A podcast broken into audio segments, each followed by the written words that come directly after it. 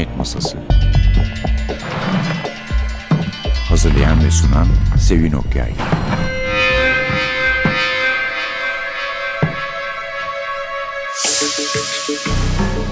Merhaba, NTV Radyo'nun Cinayet Masası programına hoş geldiniz. Bugün üzücü bir haberimiz var daha önce duymadıysanız. Çok sevdiğimiz Amerikalı bir polisiye yazarı Sue Grafton ne yazık ki bu dünyayı terk etti.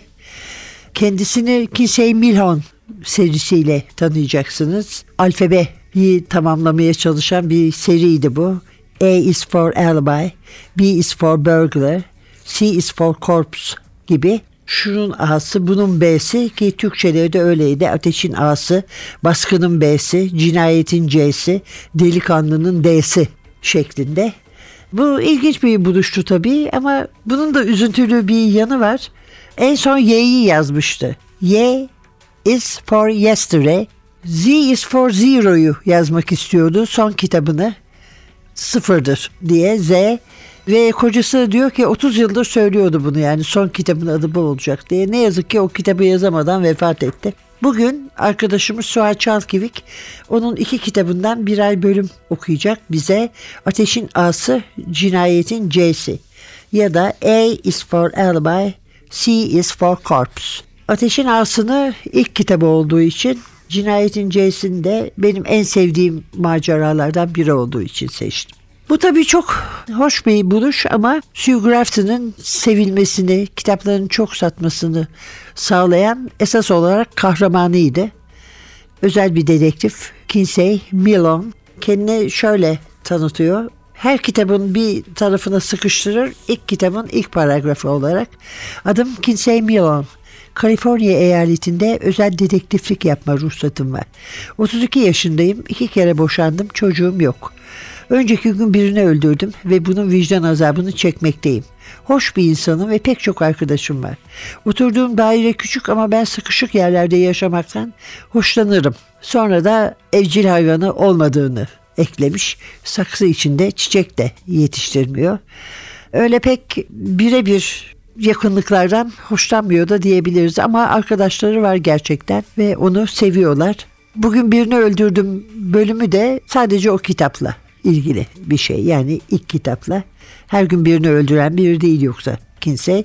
Hatta sayeden de bundan çok rahatsız oluyor. Sue Grafton'ın Alfabe Esrarı dizisi ilk önce 1982'de okur karşısına çıkmıştı. Ateşin Ağası ile. Bu ilk kitap Kaliforniya'daki Santa Teresa şehrinde ki onun yaşadığı yer, sevdiği bir yer ve çoğu macerası da en azından burada başlıyor. Şimdi ise arkadaşımız Suat Çalkevik her zaman olduğu gibi bize kitaptan bir bölüm okuyacak.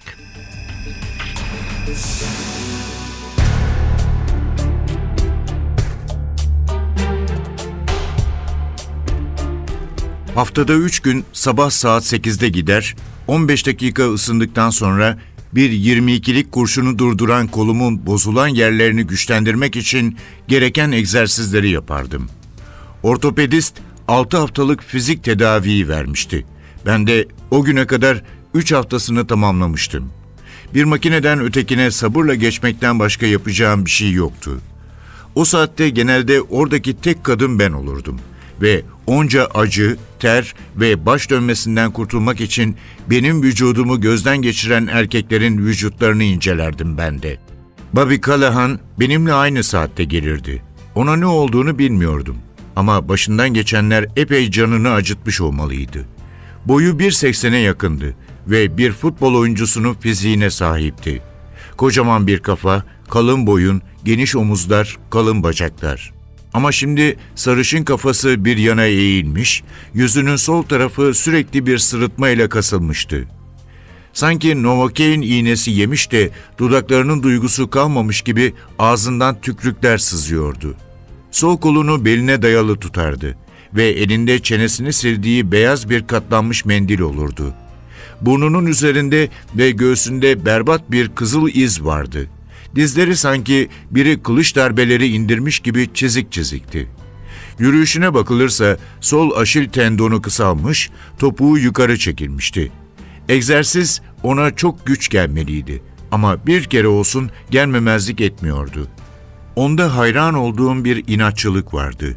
Onu ilgiyle izliyor, kendi iç şikayetlerimden utanıyordum. Benim yaralarımın geçeceği ama onunkilerin geçmeyeceği açıkça belliydi. Ona acıyor değildim ama çok da merak ediyordum. O pazartesi sabahı ilk kez salonda yalnızdık. O yanımdaki alette çalışıyordu. Ben de değişiklik olsun diye bacak ağırlığı aletine geçmiştim. Sakatlandığımdan beri koşamadığım için bir iki bacak ağırlığı kaldırmanın iyi olacağını düşünmüştüm. Yalnızca 60 kilo kaldırıyordum ama yine de canım acıyordu. Kendimi oyalamak için küçük bir oyun oynuyor, hangi aletten daha çok nefret ettiğimi düşünüyordum. Bobby'nin çalıştığı makine buna iyi bir adaydı. Onun aletinde 12 kere çalıştıktan sonra yeniden başlamasını izledim. Özel dedektif olduğunu duydum, dedi. Doğru mu? Sesinde hafif bir aksama vardı ama doğrusu iyi örtüyordu. Evet, yoksa öyle birini mi arıyordun? Aslında evet, biri beni öldürmeye kalkıştı. Pek ıskalamamıştır denebilir. Ne zaman? Dokuz ay önce. Neden? Bilmiyorum. Bacaklarının arkasında kasları tel gibi gerilmişti. Yüzünden terler boşanıyordu. Farkında olmadan ben de saymaya başladım. Altı, yedi, sekiz. O makineden nefret ediyorum dedim. Gülümsedi. Çok acıtıyor değil mi?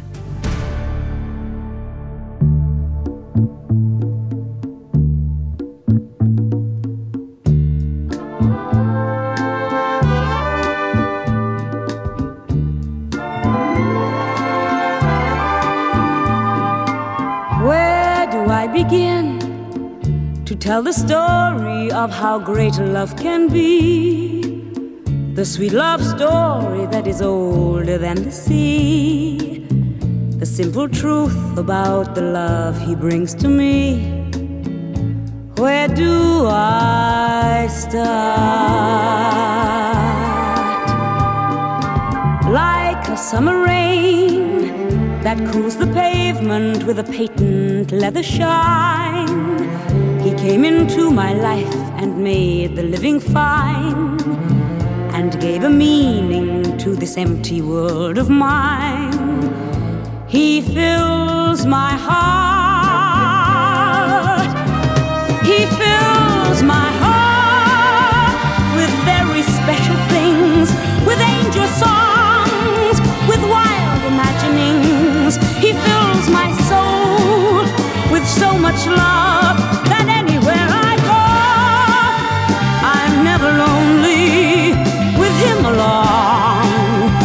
Could be lonely?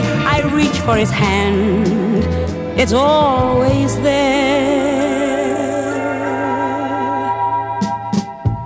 How long does it last? Can love be measured by the hours in a day? I have no answers now, but this much I can say.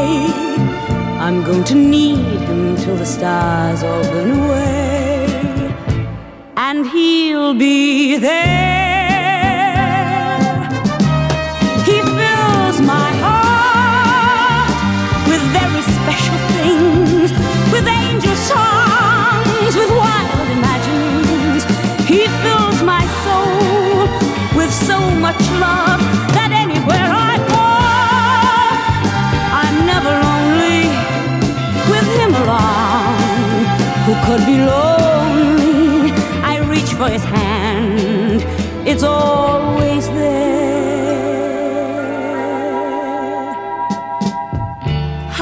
long does it last?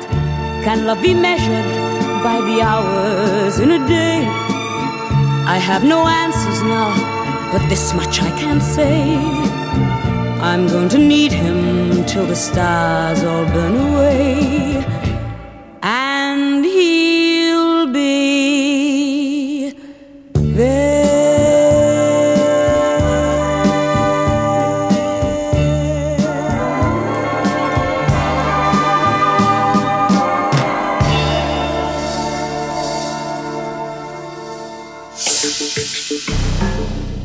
Grafton, Kinsey Millon dizi Oğlak'tan çıkmıştı. Sanıyorum hepsini Mehmet Armancı çevirdi. En azından benim elimdeki iki kitabı çeviren o.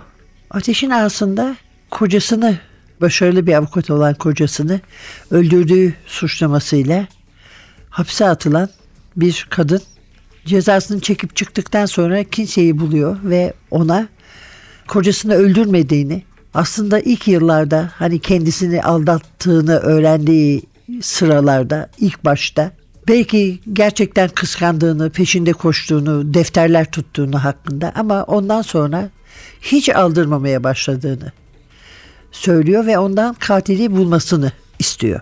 İlk esrarımız bu. Ondan sonra da seriye devam etti dediğimiz gibi Z harfine kadar ama Z eksik kaldı.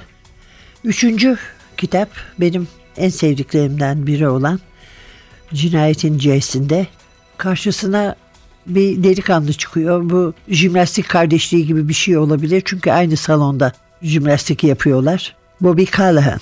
Bobby Callahan çok zengin bir annenin oğlu.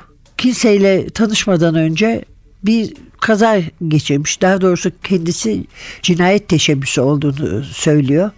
Polis de ona hak verse de kanıt bulamadığı için kazada birleşmiş fikirler. Yüksek bir noktadan bir dağdan başka bir araba arkasından ittiği vurduğu için kendi arabasına aşağı düşmüş. Yanındaki arkadaşı ölmüş. Orası zaten intihar edenlerin de sevdiği bir yermiş.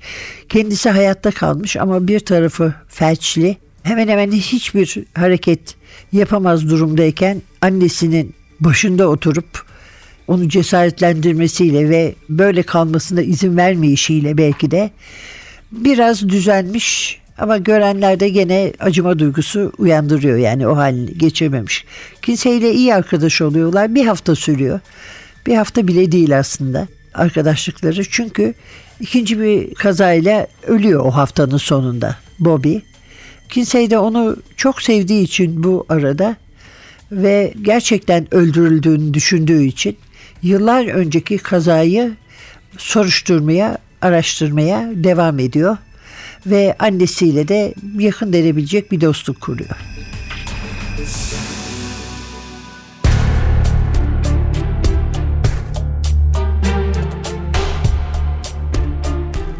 Bir dakika dedim. Yanlış anlaşılma olmasın. Lawrence karısının başka bir erkekle ilişkisi olduğunu öğrendi. Bunun üzerine seninle ilişkiye girdi ve daha sonra da onu boşadı. Oysa ben bu işten kadının kazıklanarak çıktığını sanmıştım. Evet, yaptığı tam olarak buydu. Benimle olan ilişkisi güveni umursamadığını göstermesinin yoluydu. Parayı ve çocukları almak da ona verdiği cezaydı. Çok kin tutardı. İyi bir avukat olmasının bir nedeni de buydu. Haksızlığa uğrayan her kimseyle tutku derecesinde özdeşleşirdi. En küçük bir şey karşısında çılgına döner, sonra bunu bir itici güç olarak kullanıp hasımlarını ezerdi. Acımasızdı. Güven kiminle ilişki kurmuştu? Bunu ona sorman gerekecek. Bildiğimi sanmıyorum. Lawrence'ın asla konuşmadığı konulardan biriydi bu. Nicky'ye Lawrence'ın öldüğü geceyi sordum. Neye karşı alerjisi vardı? Hayvan tüylerine, köpek ve kedi tüyüne. Uzun bir süre eve bir hayvan almamıştı ama Colin iki yaşındayken biri ona bir köpek almamızı salık vermişti. Colin sağırmış. Sağır doğdu. Yeni doğan bebeklerin işitip işitmediklerini hemen denedikleri için bundan ilk başta haberimiz olmuştu. Ben hamile kalmadan önce hafif bir kızamık geçirmiştim. Neyse ki hasar sadece o kadarla kaldı. O bakımdan tarihliydik. Köpek onundu demek. Bekçi köpeği falan mı? Onun gibi bir şey. Bir çocuğu gece gündüz sürekli gözetleyemezsin. O yüzden havuzu doldurmuştuk. Bruno'nun da çok yardımları olmuştu. Alman çoban köpeği yani. Evet, Nicky hafifçe duraksadı. Öldü. Hemen evin önünde bir araba çarptı. Ama esaslı bir köpekti. Her neyse, Lawrence köpeğin çocuğa yararını gördüğü için alerji ilaçlarına başlamıştı yine. Lawrence Colin'i gerçekten severdi. Kusuru çoktu ama inan bana o küçük çocuğu çok severdi. Çok üzgünüm Nicky. Bütün bunları bir daha açmak istemezdim. Çayımızı bitirip kalktım. Nicky fincanları ve tabakları bulaşık makinesine yerleştirdi. Bana döndüğünde gözleri yine silah grisine dönüşmüştü. Onu öldüreni bulacağını umarım.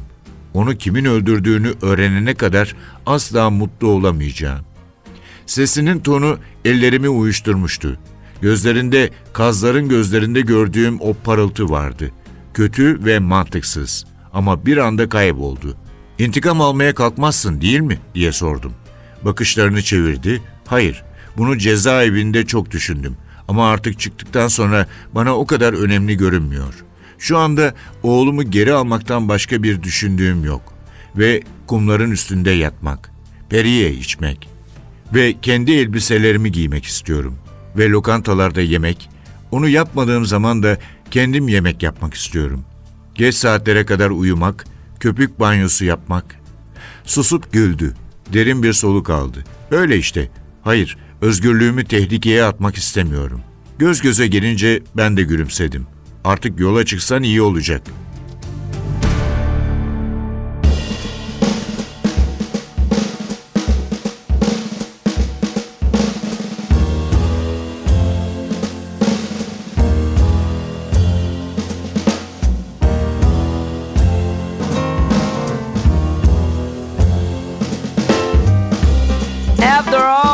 Jacks are in the boxes. And the clowns have all gone to bed. You can hear happiness staggering on down the street. Footprints dressed in red. And the wind whispers Mary.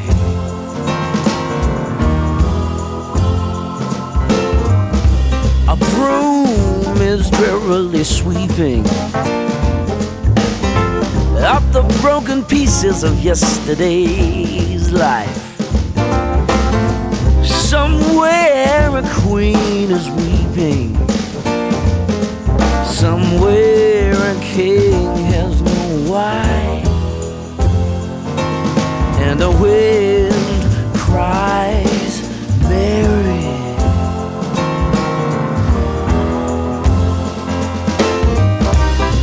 Traffic lights turn blue tomorrow. Shine the emptiness down on my bed. The tiny island, it sags down the street. Cause the life that they live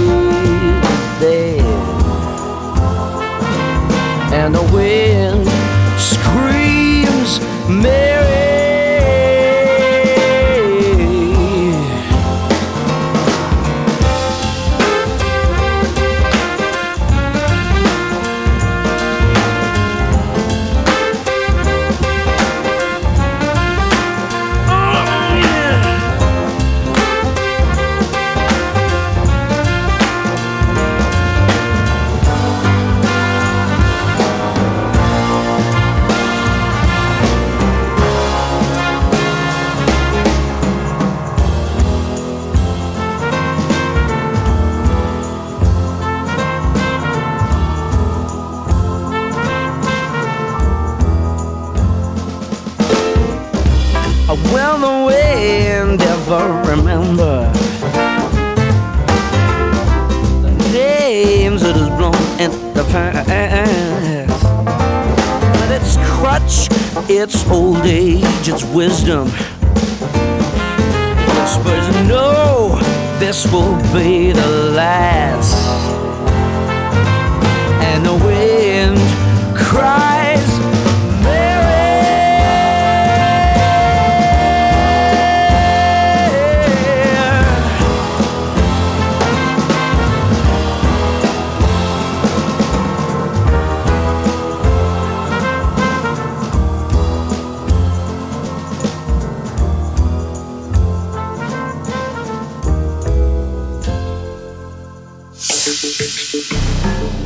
Kinsey Milon kendini tanıtırken evcil hayvanı, saksı içinde çiçeği olmayışını şöyle açıklıyordu. Zamanımın büyük bir bölümünü yolda geçirdiğimden arkamda bir şeyler bırakmaktan hoşlanmam. Ama mesleğinin tehlikeleri dışında hayatı hep sıradan, olaysız ve iyi geçmiş. Yalnız bunu söylerken onun için çok önemli bir başka kazayı unutmamak gerek. 5 yaşındayken piknik yapmaya gitmişler. Dağdan büyük bir kaya kopmuş. Arabaya vurmuş. Babası hemen ölmüş. Annesi epey bir ağlayıp inledikten sonra ölmüş. Ve saatler sürmüş kimseyi arabadan çıkarmaları. Teyzesi yanına almış. Aklı başında bir kadınmış. Ama anlaşılan ona ihtiyaç duyduğu sevgiyi verememiş. Ama şimdi hayatında Rosie var. Gittiği Macar restoranının sakın öyle süslü bir şey düşünmeyin. Yani Rosie'nin sunduğu yemekleri, ye dediği yemekleri yiyorsunuz ve hiçbir şeye itiraz etmiyorsunuz.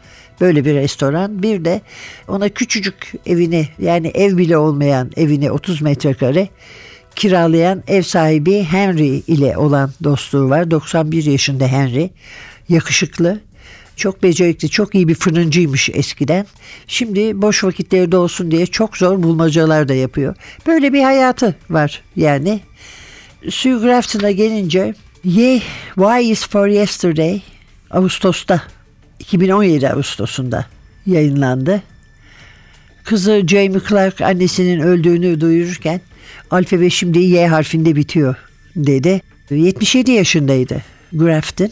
Bir özelliği vardı. Kitaplarının sinemaya ya da televizyona uyarlanmasını hiçbir zaman istemedi. İzin vermedi buna. Ve bir ghostwriter dediğimiz senin yerine yazan yazarı da hayalet yazarı da hiçbir zaman kabul etmedi. Ve ailesi de bunun üzerine ona duydukları saygı ve sevgi nedeniyle bu alfabenin daima Y harfinde kalacağını açıkladı. Eşi Stephen F. Humphrey son kitabı planladığı halde hastalığı yüzünden tamamlayamadığını hatta hiç geliştiremediğini söyledi. Sue Taylor Grafton 24 Nisan 1940'ta doğmuştu. Babası polisiye yazan bir avukatmış. Annesi de bir öğretmen. Dolayısıyla sadece okuyup yazmaya değil, polisiye yazmaya meraklı insanların da olduğu bir ailenin kızı. Bize çok şeyler kazandıran bu merakı için biz de şükürlerimizi sunuyoruz. Evet efendim. Yazarımız Sue Grafton, kitaplarımız Ateşin Ağası, F is for Alibi ve Cinayetin C'si, C is for Corpse. Oğlak'tan çıktı Oğlak yayınlarından. Mehmet Armancı çevirdi. Umarız hala baskıları vardır da tanımak isteyenler kimseyi bu zevkten mahrum kalmaz. Sanıyorum arada yalnız birkaç harf eksik sonra başka bir yayın evine geçti. O arada birkaç harf boş kaldı sanıyorum. Aradım bulamadım ama gene de emin değilim yani bir yerden çıkıverir mahcup olmayalım. Evet efendim şimdilik bu kadar. Önümüzdeki hafta yeniden birlikte olmak ve size yeni bir kitap sunmak umuduyla mikrofonda Sevin, masada Atilla. Hepinize uzun ömür, sağlık ve mutluluk diler. Hoşçakalın.